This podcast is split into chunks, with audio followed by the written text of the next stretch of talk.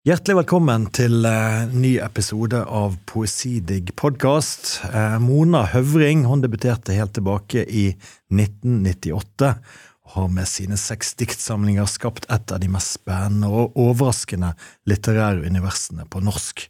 Med å bringe eventyret, anekdoten og en språklig løssluppenhet inn i poesien har hun laget seg et uttrykk som en leser vil gjenkjenne umiddelbart som høvring. Og Det er ikke alltid like lett å bli klok på, men kanskje ikke det er det vi skal bli heller. Kanskje vi heller skal la oss sveipe med på ferden til et farlig landskap der døden lurer bak hver vegg, og hvor også kåtskapen får slå seg løs på en måte som er langt fra vanlig i norsk poesi. Mona Høvring sine dikt inviterer til en fest, en livsfarlig fest. Velkommen til Bergen, Mona Høvring. Takk. Jeg lurer på om du skal, skal få lov til å gi oss en liten smakebit først på et dikt, sånn for de som ikke har hørt deg før. Mm. Måtte du aldri. Det var etter Sundfloden jeg gikk og venta på et brev i vinduet ut mot den mørke hagen formerte lampa seg, og jeg forestilte meg gløden fra et dårlig tegna kart, der begjærets guder transporterte sjeler, og der jeg fant en nåde å flytte inn i. Å gråte er ikke å forlate det som var, å gråte er å oppsøke. Jeg la de små dyra i lake og leite etter brød, blodet stakk i årene, og gjennom ukorrigerte, muligens seksuelle tegn, snakka jeg jordvendt og snedig om regn.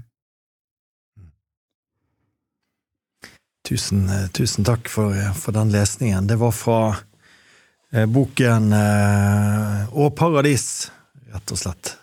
Eh, og, og, du har jo altså gitt ut disse seks diktsamlingene, og vi skal snakke litt om, om de fleste, vil jeg tro. Um, um, ja, å gråte er å oppsøke. Mm. Um, jeg tenker litt den, den evnen til å prøve å eller være ute i verden og undersøke verden og liksom jage mot henne. Et annet sted skriver du jeg forelsker meg lett, en kvinne med badehette, en islandsk falk, et utidsriktig møbel arvet etter en fjern slektning. Og jeg lurer, lurer, liksom på om, om dette her, om, om, du har et slags forelsket Eller at, at poesien er en del av en, en, slags forelskelse i verden, eller at du, at du, en bejagelse i verden, en oppsøking. Mm. Ja, jeg skulle ønske det var en forelskelse, men eh, det er nok mer um, en forvirring. og et forsøk på å finne en type mening i noe som nesten er språkløst, og som er vanskelig å si noe om i vanlig tale, da. Mm. Og der har jo poesien en helt, uh, helt unik mulighet til å uh, kommuniserer noe som nesten er kryptisk. Mm. Og, og, som du sa, det er ikke så lett å bli klok på. Men eh, for min del så tenker jeg det en kan bli klok på, er jo nettopp en, en fornemmelse av noe som um, Av noe. Ja. En kunnskap som, som, som bare antydes gjennom muligens ukorrigerte tegn, da. Mm. Sånn at um, hvis en blir for bevisst på at det skal gi veldig, veldig mening, um, sånn vanlig logisk uh, mm. type mening, leksikalsk mening, så kan en like godt begynne å skrive um, på en måte Wikipedia-artikler eller noe. Altså, ja. Samtidig så det må ha en mening, men meningen i diktet kan tillater seg å være mye mer abstrahert, da. Ja.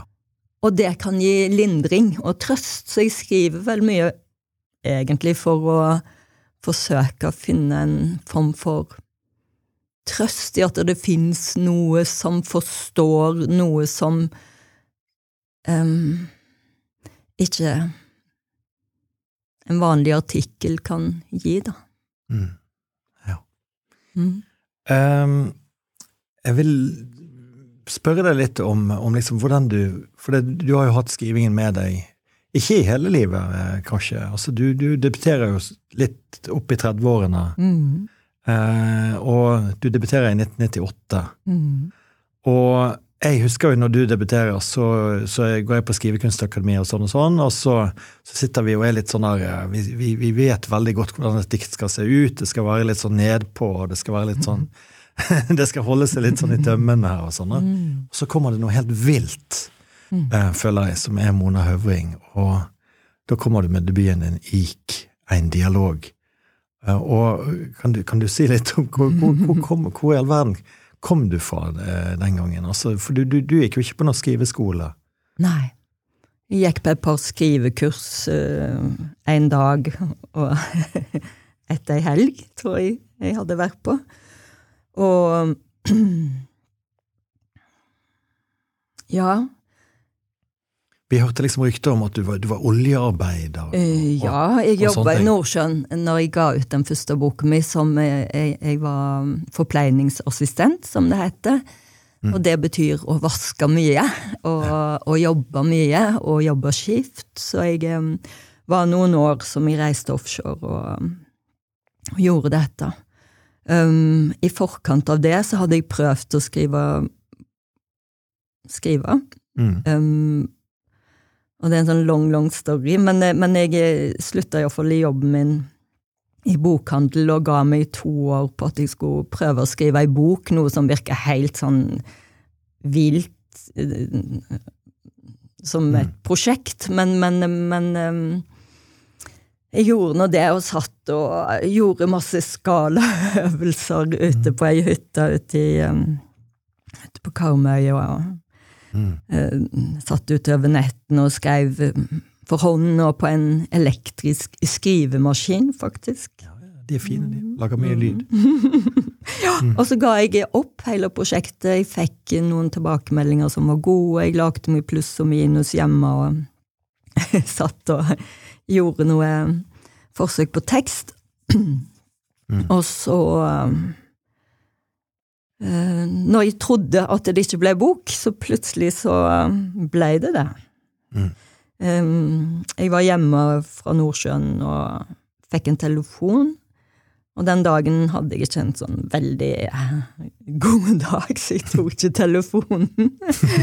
og da, det var fasttelefonen sin tid, det foregår hundre, og jeg hadde ikke mobil, og jeg hadde ikke PC. Um, så jeg eh, hørte på telefonsvaren, da, at det var en, en person som ringte fra Gyldendal Forlag. Så tenkte jeg kan ikke snakke med han i dag. jeg må vente, jeg må iallfall ha noe mat. Og, og um, hadde nok et lite håp om kanskje det var noe som kunne være en god melding, men jeg, jeg, jeg var litt redd for å bli for forventningsfull. Mm.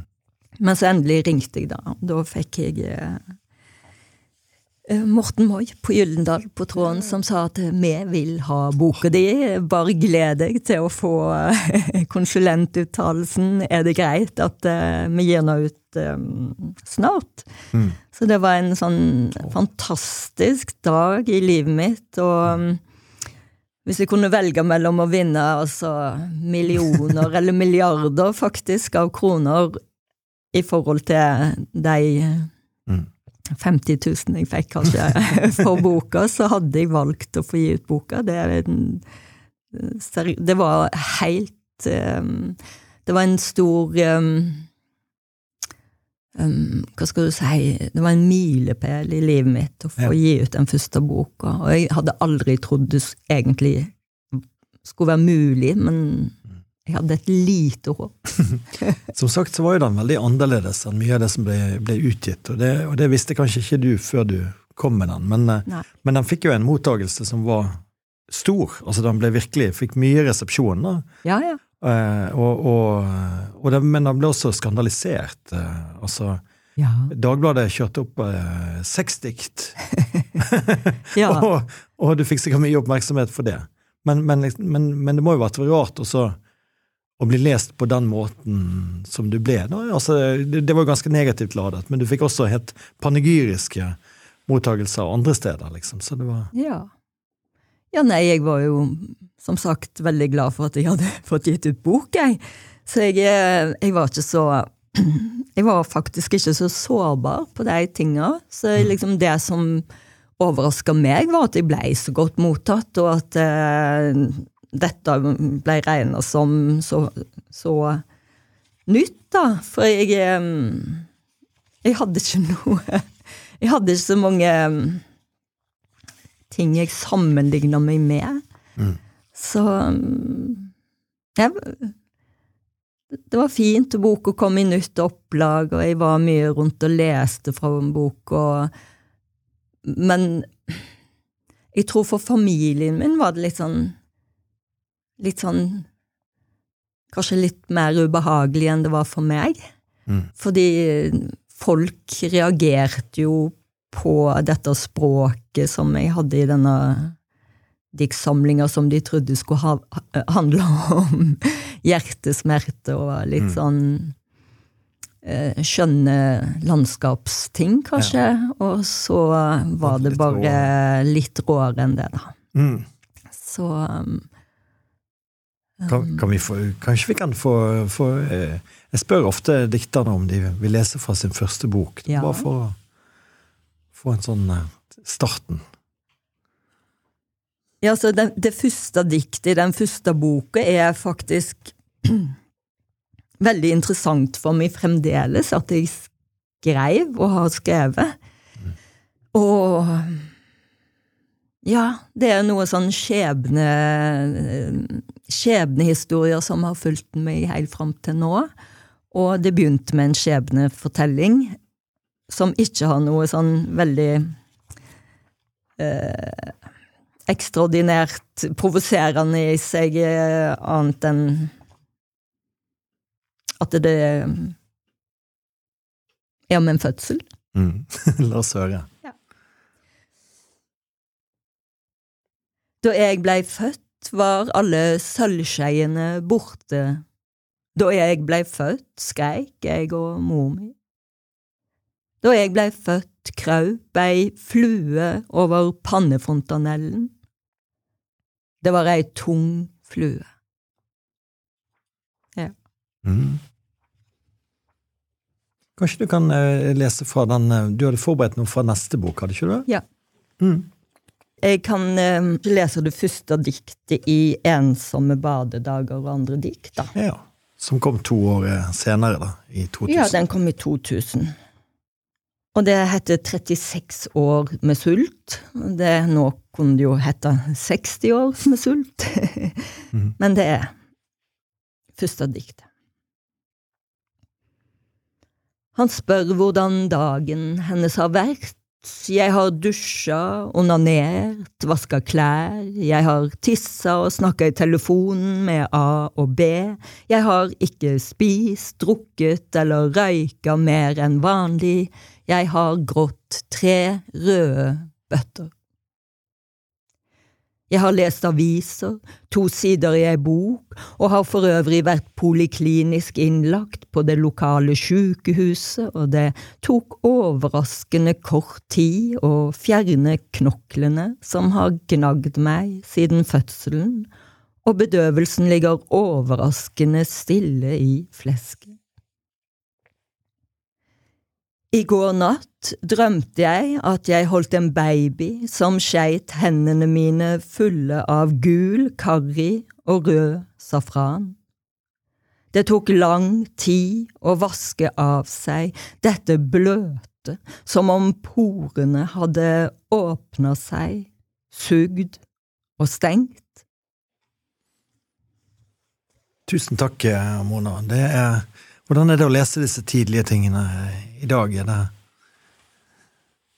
Jo, det er, det er, De er fremdeles aktive i meg, merker jeg. At det, det er dikt som har betydd øh, noe De har vært viktige, og de er fremdeles viktige for meg. Det er en del av min øh, Min øh, Mitt arbeid som både kvinne og som forfatter og som menneske. Mm. Så det, det, det, er en sånn type mm, arbeid som jeg er glad for at de har gjort. Mm. Uh, og som um, egentlig har syntes har vært ubehagelig mens jeg har holdt på med det. Mm. Mm. Fordi et dikt krever en enorm tilstedeværelse, og jeg må være villig til å by på noe som er på grenser til å være pinlig. Mm. Um, og det kan bli forkasta av hvem som helst. En, en stiller seg jo mm. til skue i, på en veldig Ja, altså Hvem som helst kan si at det der er bare noe skit. Mm. Og så tenker jeg ja, ja, det er det for noen, men for andre forhåpentligvis så gir det noe som de trenger i livet sitt. Jeg tenker at, at noe av, av, styrken i det er nettopp den sårbarheten. Den, den skinner gjennom i, i, dine ting. Hvordan er det i forhold til sånne situasjoner som dette, eller mm. når du skal presentere det for Er det har det litt av det samme ubehaget, da? Ja, det, det er et større ubehag.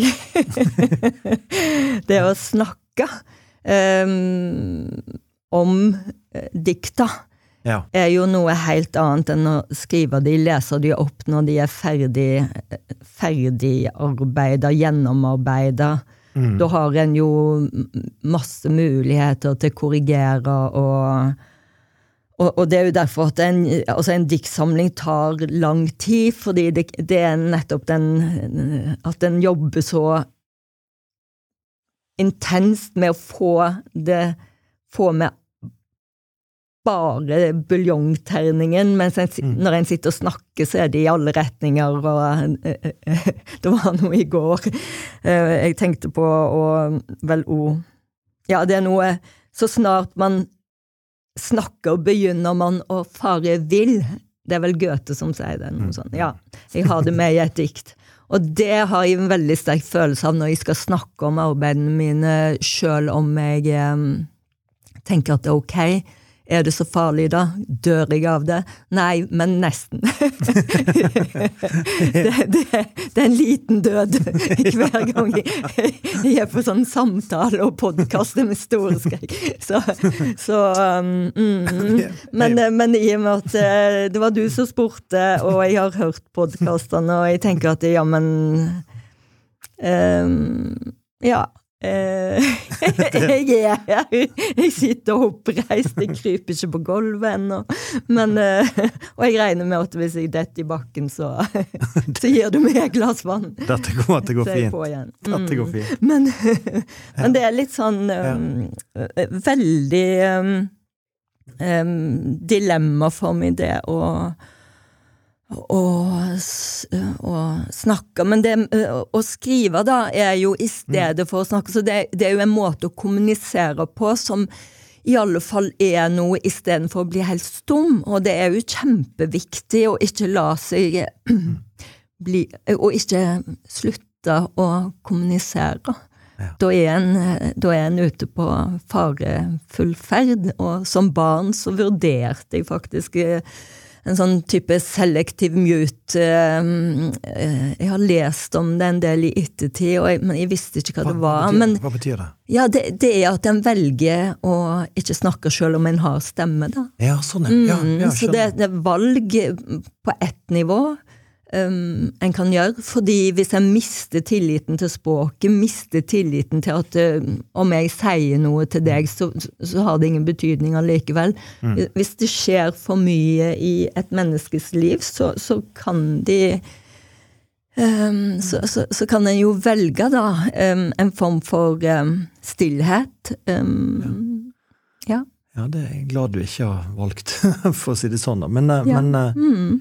Men, det høres ut som dette skriverommet ditt, altså prosessen din, er et intensivt sted. Eller for deg, eller, eller mm.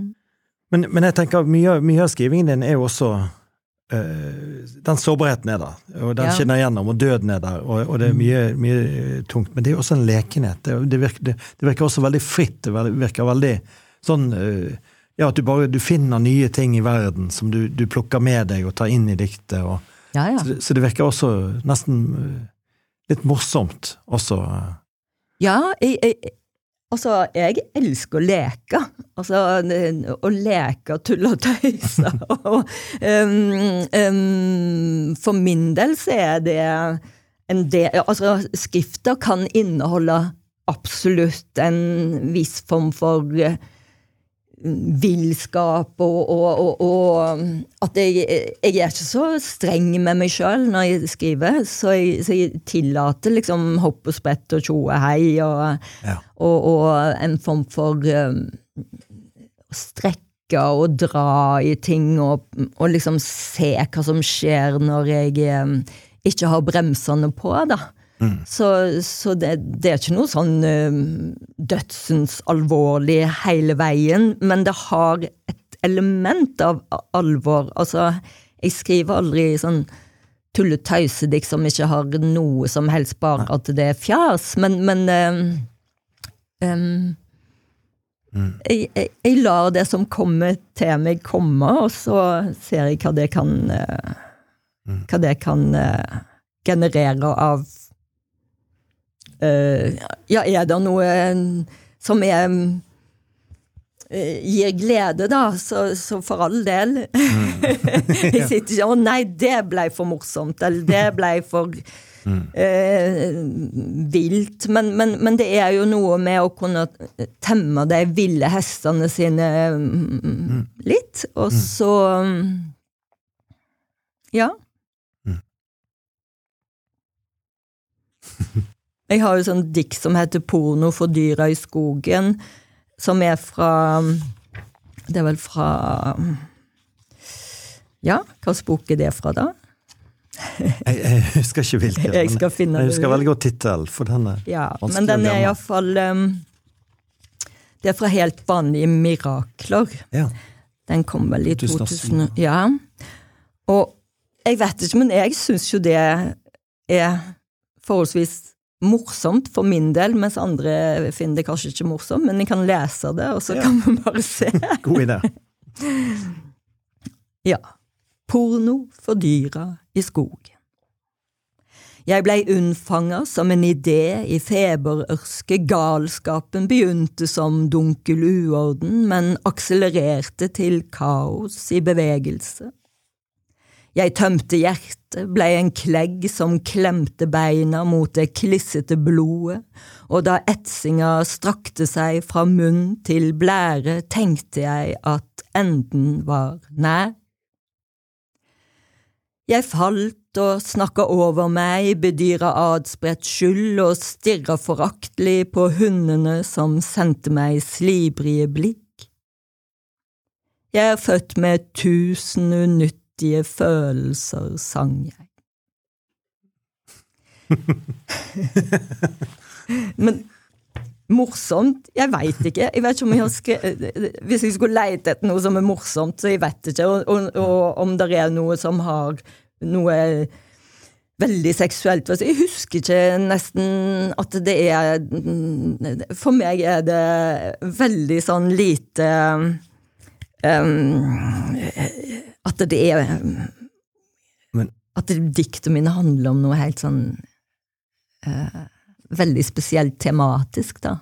Bortsett fra sammenbrudd, og der mm. er om mor og far, og der er om mm. hav, om døden, og der er om kjøpesenter, svenske kjøpesentre, ja. og der er om Jesus, og der er om ja. gamle eh, krigere og filosofer og eh, Ja, altså det, jeg, tenker, jeg, tenker av og til at du, har noe nesten litt sånn essayistisk i, i skrivingen din. Altså at du, altså Essayet peker jo ut i verden og henter Ja, inn objekter Ja. som så reflekterer tilbake på jeget. For jeg føler at det er veldig litt sånn jeg eh, Altså, det, det er veldig langt unna den typiske, det lyriske jeget som, som, som, der følelsene skal strømme ut fra, fra innsiden og ut. Jeg føler at din poesi er mer sånn eh, fiksjon, rett og slett. Altså at du, du bruker fiksjon, og du finner ting i verden som, ja. som du beskriver, og så, og så blir det en projeksjon nærmest på, på, på jeget. da. Ja, det er kanskje noen sånne eksempler på det i um, den uh, Jente med dødning i hodet på hyperfrase. Det er en avdeling som heter hyperfrase, og der, der henter jeg jo inspirasjon fra andre fra lesinger jeg har gjort av andre forfattere, for eksempel. Mm. Og, og det er um, en måte å jobbe på som jeg finner veldig sånn fruktbar og god, og, og, og hvor jeg liker veldig godt å jobbe ut ifra noe som finnes fra før. Mm. Noe andre har gjort, og så kommentere det, tenke litt rundt det, så se hva som kommer opp i meg av en type skrift, da. Ja. ja. Mm. Nei, for, det, for det, jeg, det er derfor jeg, jeg mener det at, at din, poesi, din, poesi den skiller seg veldig ut. da, fordi at fordi at du har uh, Du bruker et helt dikt på å fortelle et eventyr, eksempel. Du, du, du, du har diktsamlinger som er Det heter Dikt og salmer. Mm. Kan, kan, det kan være undertittel på Altså, du, du, har virkelig Du bruker jo Du bruker de andre sjangerne som ligger i nærheten, uh, veldig mye. Da, og av og til overtar de nær. Altså, du, du lar de bare overta eh, periodevis, da. Ja. Ja. Og det er ikke mange som gjør det. Det, det, det, bare sånn at du vet det sjøl. Jeg, jeg, jeg, vet ikke hva andre holder på med nesten av og til.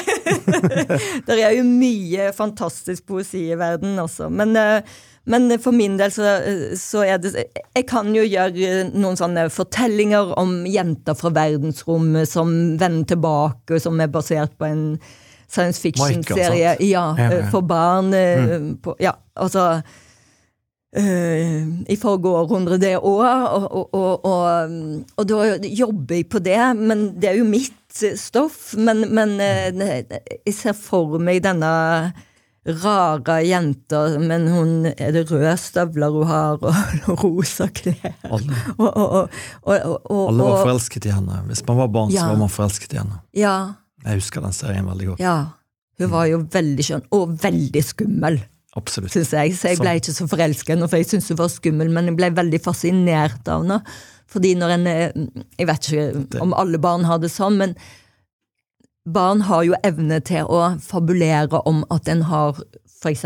magiske evner, eller kanskje foreldrene mine ikke er foreldrene mine, ja, ja, ja. kanskje jeg kommer fra en annen planet, eller alle de der tinga, da. Ja. Men um, bare si, Flott, flott, vakker og skummel, det er mitt uh, skjønnhetsideal. da. Det, kanskje sant? det kommer derfor. Ja, nettopp. Dette må vi snakke mer om, men ikke nå. nei, ja. Um, mm. Nei, nei, men det, det, det, ting får plass uh, i, i, det, absolutt. Er det, er det ting du føler som Altså, for Du har jo også en romankarriere da, som, som, begynte egentlig ganske tidlig. Men, men akkurat dikt altså hvis du, du, har holdt på i 24 år som dikter, da, mm. og jeg har regnet ut at første halvdel så gir du ut fem diktsamlinger. Andre halvdel gir du ut én diktsamling. Mm. Så det er, jo, det er, jo, Romanen har jo fått mer plass mm. uh, med tidene. Og Jeg lurer på det, litt på den du, du altså ser på de to tingene som mulighetsrom. Liksom, hva du kan gjøre i altså Når du da vender tilbake til poesien fra, en, mm. fra et, et, romanarbeid som kanskje har mm. pågått i to-tre år. Da. Mm. Hva, hva, det, Gleder du deg til å komme tilbake til poesien fordi at det gir deg en annen frihet, eller, eller føler du at det er egentlig samme? Jeg har, jeg har ikke noen sånne um, sterke føringer på hva det skal bli. Jeg bare ser at uh, oi, nå Dette er dette er en diktsamling, dette kan kanskje bli en diktsamling. Og hvis jeg begynner på noe annet, så merker jeg at det er mer mot prosaen. Så det er litt mer å se hva som hva slags notater jeg gjør, hva jeg, eh, hva jeg får fot for, da. Um, og eh, for meg er det ikke noe sånn at jeg tenker at det ene er bedre enn det andre, så jeg, jeg, jeg tar det jeg får, jeg. Ja, ja. ja. Og så av og til så jobber jeg parallelt med både dikt og prosa, eller veldig ofte så gjør jeg det. Mm. Sånn at når jeg sitter og jobber kanskje på prosa og kjenner at det stopper, så, så kan jeg eh, ha noen eh, en periode med dikt, eh, sånn at jeg driver et sånn vekselbruk på det, som fungerer veldig fint for meg. Og jeg liker liker at det er ulike muligheter i de ulike sjangrene, da. Mm. Men du er jo altså, du er jo Jeg har lest litt eh, anmeldelsene av romanene dine også. Du blir jo regnet som en, altså, altså en eksperimentell romanforfatter. Altså du Sjangerutvidende står det eh, som et adjektiv om deg på, på romanene. Mm. Så jeg tenker jo det, det kan jo man også si om deg på, på lyrikk. Så, så, da antar jeg at, jeg har litt, at du er interessert i å finne grensene for Eller kanskje ikke du er interessert i Du tenker ikke i de termene i det hele tatt? Ikke når jeg skriver Nei, Nei jeg gjør Nei. ikke det, altså. Mm. Unnskyld. Men, mm. men um, Nei. Um, det er jo Det er jo de som skal skrive noe om det jeg ja. har gjort, som, som, sier dette, og som jeg syns er fint at det blir sagt noe om. Mm. Men jeg hadde ikke hatt språk for det som blir skrevet om bøkene mine alltid, så jeg, jeg kan bli kjempeoverraska. Heldigvis har vi teoretikere og, ja. og, og, akademikere som kan Ja, og no, noen ganger syns jeg får fantastiske lesinger som jeg tenker Oi, dette var utrolig fint at det ble lest på en sånn måte som jeg overhodet ikke kunne egentlig Kunne ikke ha formulert det, men jeg er enig. Mm.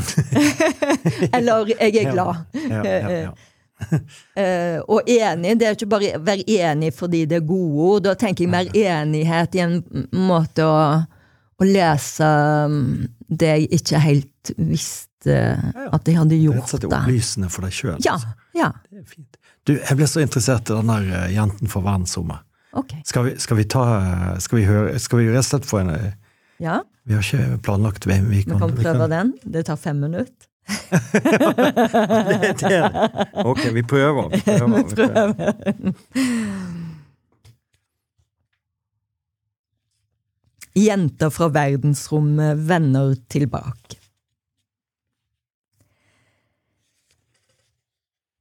Jenta fra verdensrommet landa med romskipet sitt, rosa stråler blei slynga mot oss, og etterpå visste vi ikke hvem vi var. Ingen hadde bakt kakene, ingen hadde elta brøda, vi huska ikke hvem som hadde plassert himmelen bak regnbuen, eller hvem som hadde lagt gata under bilene. Og hvem var det som hadde fiska fiskene som lå og skinte på kjøkkenbenken? Hvem plasserte framtida i de ufødte? Det å være menneske er forbundet med mye arbeid, sa jenta fra verdensrommet, og for mye arbeid kan gjøre hjertet hardt.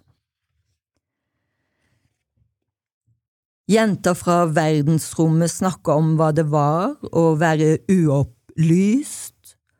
Å være uopplyst er å starte nedtellinga for tidlig eller for seint, sa hun. Når vi tenker, tenker vi med kroppen, sa jenta fra verdensrommet. Hun hvilte i det trekkfulle vinduet med gul kinesisk lykt i hånda. Kom så, lille fugl, sa hun, så skal jeg fortelle deg hvorfor utopiene har så lav prestisje. Om kvelden når det mørkner og alle går til ro, da er viljen friere enn noensinne. Da sover eller puler vi, og et glass vann er nok til å lyse opp hele verden. Men å være jente innebærer alltid ansvar, for magen er større enn hodet, hodet er større enn hjertet, og Sannheta er alltid sann.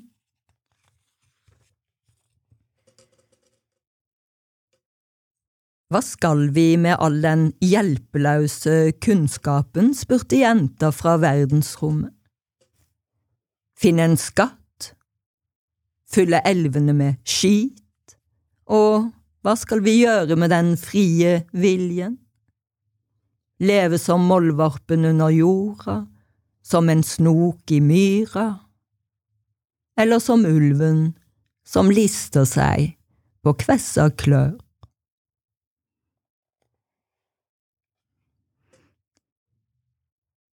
Vi kan ikke lese skjebnen i stjernene, sa jenta fra verdensrommet.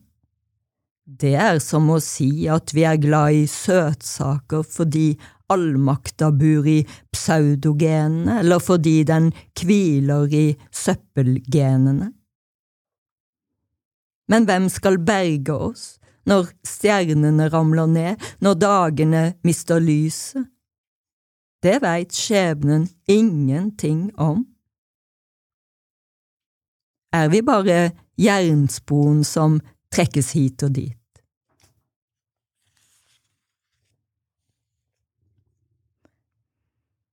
Jenta fra verdensrommet blei underlagt forskning. Noen sa bli lys, og jenta fra verdensrommet slokna.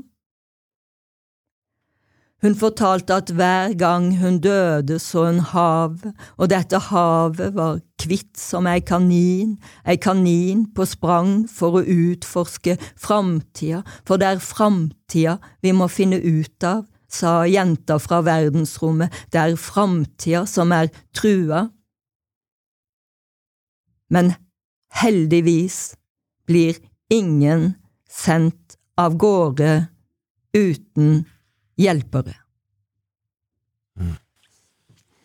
Takk eh, for den lesningen, eh, Mona. Eh, jeg tenker Det er én ting vi må, må, snakke om som kanskje ikke er så lett, men, men døden eh, ligger og lusker bak hver vegg, som jeg sa i innledningen. Og, og sant, siste diktsamlingen din, den fantastiske 'Jenta med dødninghode', er også, også der helt eksplisitt. Eh, og det groteske, kanskje, og i forbindelse med det kroppslige, er noe som går igjen. Eh, altså, død er jo også en som er veldig opptatt av det i min diktning, men, men altså Døden kom veldig tidlig inn i, i livet ditt også, mm. sånn som jeg forstår. Uh, jeg vet ikke hvor mye du vil si da, men det, men det, men, men det må jo ha preget uh, den stemmen som som du har hatt med deg? Ja, ja, helt klart. Um, um, um, min far døde jeg, før jeg var tre år. og det var et stort traume i, i familien, så klart. Um,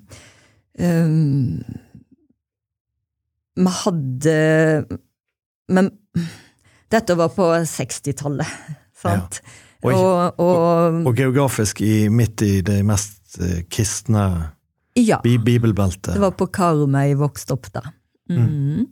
Og, og, jeg bodde i Høvringhuset, eh, et uh, familiehus hvor uh, båtene og skøyta lå utfor. og min bestefar og mine onkler og min pappa de var fiskere. og egentlig hadde det veldig fint der. Uh, og han hadde masse prosjekter på gang og holdt på å bygde hus og hytter på Borgøy, og, og, og, og han uh, Skatar og var ute og dykka aleine. Han var liksom min helt. Mm. Og, en blir jo ikke mindre helt når en dør ung, så han var 25 år når han døde. Og og dette med døden ble veldig, veldig sånn um, um, Ekstra vanskelig å forholde seg til, i og med at det òg ble religion knytta opp til dette. At Himmel og helvete ja, fantes. Ja, mm. og at han dro til himmelen, da. Mm. Ikke sant? Og der vil jo jeg òg helst mm. være. Der far er, ja, ja, ja. og så videre. Så, så, for meg ble det en sånn ekstraordinært eh, tung byrde, dette med at han forsvant, og at, det, at jeg ble fortalt at for å komme til himmelen, så måtte du være så god. Eller du måtte iallfall bli frelst. Ja. Og, og, du måtte tro, og, og, det var masse sånne greier som en som barn tar veldig bokstavelig. Så hvis du døde, så kunne du faktisk komme til din far, da? Ja, hvis jeg døde tidsnok. Mm. Før ja, jeg begynte ja, å, å bli en synder. Ja, ja, ja. ikke sant? Og jeg skjønte jo tidlig at det, det kunne jo skje tidlig. Ja, ja, ja. Så, så, det var en sånn Det ble en dødslengsel som, som jeg sleit lenge med, og, og, og en, en, livsangst mm. som, som, som egentlig um, jeg føler fremdeles liksom kan, det kan komme opp i meg som sånne små blaff av eh, fortvilelse. Mm. I siste diktsamlingen så, så, står det 'Gravene sto tett i tett, men plutselig fant jeg en ledig plass'. Mm.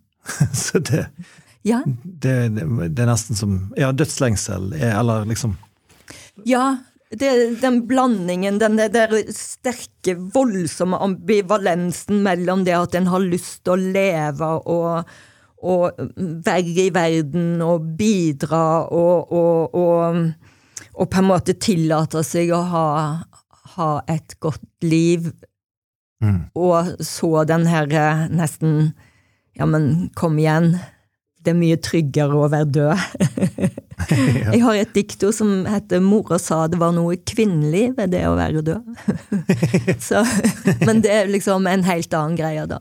Mm. Men, um, mm, um, men, men uten å bli for, for psykoterapeut eh, her på siden, da, eh, men, men tror du Det blir litt sånn kontrafaktisk, men, men ville du blitt en skriver, tror du, uten dette? Dette, dette dødsfallet i barneårene? på en måte? Ville det, vil det blitt en helt annet, et ubekymret Nei, det kunne sikkert skjedd mye annet som var kjempevanskelig òg. Så, så det, det, er veldig vanskelig å vite. Men jeg tror at det, alle som skriver skjønnlitterært, har eh, noen smertepunkt og noe eh, traumearbeid som de jobber med eh, på et helt spesielt nivå. Ja. Det tror jeg. Jeg tror ikke um, det er en skade jeg, jeg, tenker sånn at de fleste, hvis en har en type følelse av at en, har, at en er på jakt etter å ta sjela si tilbake, så arbeider en med sånn type mm. ting, da, og all kunst på en måte har noe Er trigga av um, Det trenger ikke være ulykke og død, for så vidt, men, men, men er, er trigga av en type uro, angst um, um, Tapserfaring i en eller annen form? Ja. ja. Altså, mm, mm. en skriver ikke uten smertepunkt, som er ja. enormt sånn heftige. Ja. Tror ikke det. Mm. En skriver iallfall ikke godt. Nei. Nei. For alle er jo Mange er skriveføre. Veldig mange er skriveføre. Og veldig mange vil skrive bok. Hvorfor skriver ikke alle bok? Ja, ja, ja. Ja. Mm. ja. Nei, jeg kjenner meg igjen. Min far døde da jeg var 16 år. Mm. Og det var når jeg begynte å skrive om det, at, jeg, ja. at det begynte å skje. Ja. Mm. Så det, det, det, det, er noe der, altså. Men, men, en ting er som, som, vi ikke kan forbigå heller, det, det er jo altså kvinneposisjonen i, i, dette her. Altså det, den kvinneerfaringen er du, du, har nevnt, du har antydet det flere ganger i, i samtalen, altså at, at, det en, at, det er noe som også er viktig for deg. Um, uh, og jeg vil jo si det at den, det du gjorde i de første bøkene der, med den, med den, liksom, ja, den unge kvinneerfaringen, mm. det, var, det, var, ganske sånn nytt for meg å lese. Det hadde ikke jeg lest veldig mange steder i litteraturen, mm. og i alle fall ikke i dikt, når det, når det kom. Og, og, og du, du, er jo på en måte du skriver fra en kvinneposisjon hele veien, og du øh, Så vil du, vil du mm. si noe om det, eller, eller altså, Ja, nei, men altså, jeg er kvinne. Jeg er født inn i en kvinnekropp, og, og dermed så er det jo helt naturlig at jeg gjør det. Mm. Jeg har skrevet ei bok hvor fortelleren er Hvor jeg forteller om en gutt. Um, mm, men uh, men det er noe med at eh, dette arbeidet er i verden med tekst og med skrift og med det jeg prøver å bidra med, det er min måte å være kvinne på. Mm. Mm. og, og um, sånn, men, men, sånn kvinnepolitisk, sånn voldsom type um, Feminisme syns jeg ikke det er i bøkene mine nødvendigvis. Um, men, men, jeg prøver jo å skrive ut ifra et sånn humanistisk perspektiv, og da vil feminismen helt naturlig mm. gå inn i det. Mm. Og, og, jeg prøver òg å ikke sette opp sånne harde skiller mellom menn og kvinner, sånn at det blir en sånn type kamp og krig og liksom På et sånn, nei, nei. sånn kjedelig nivå.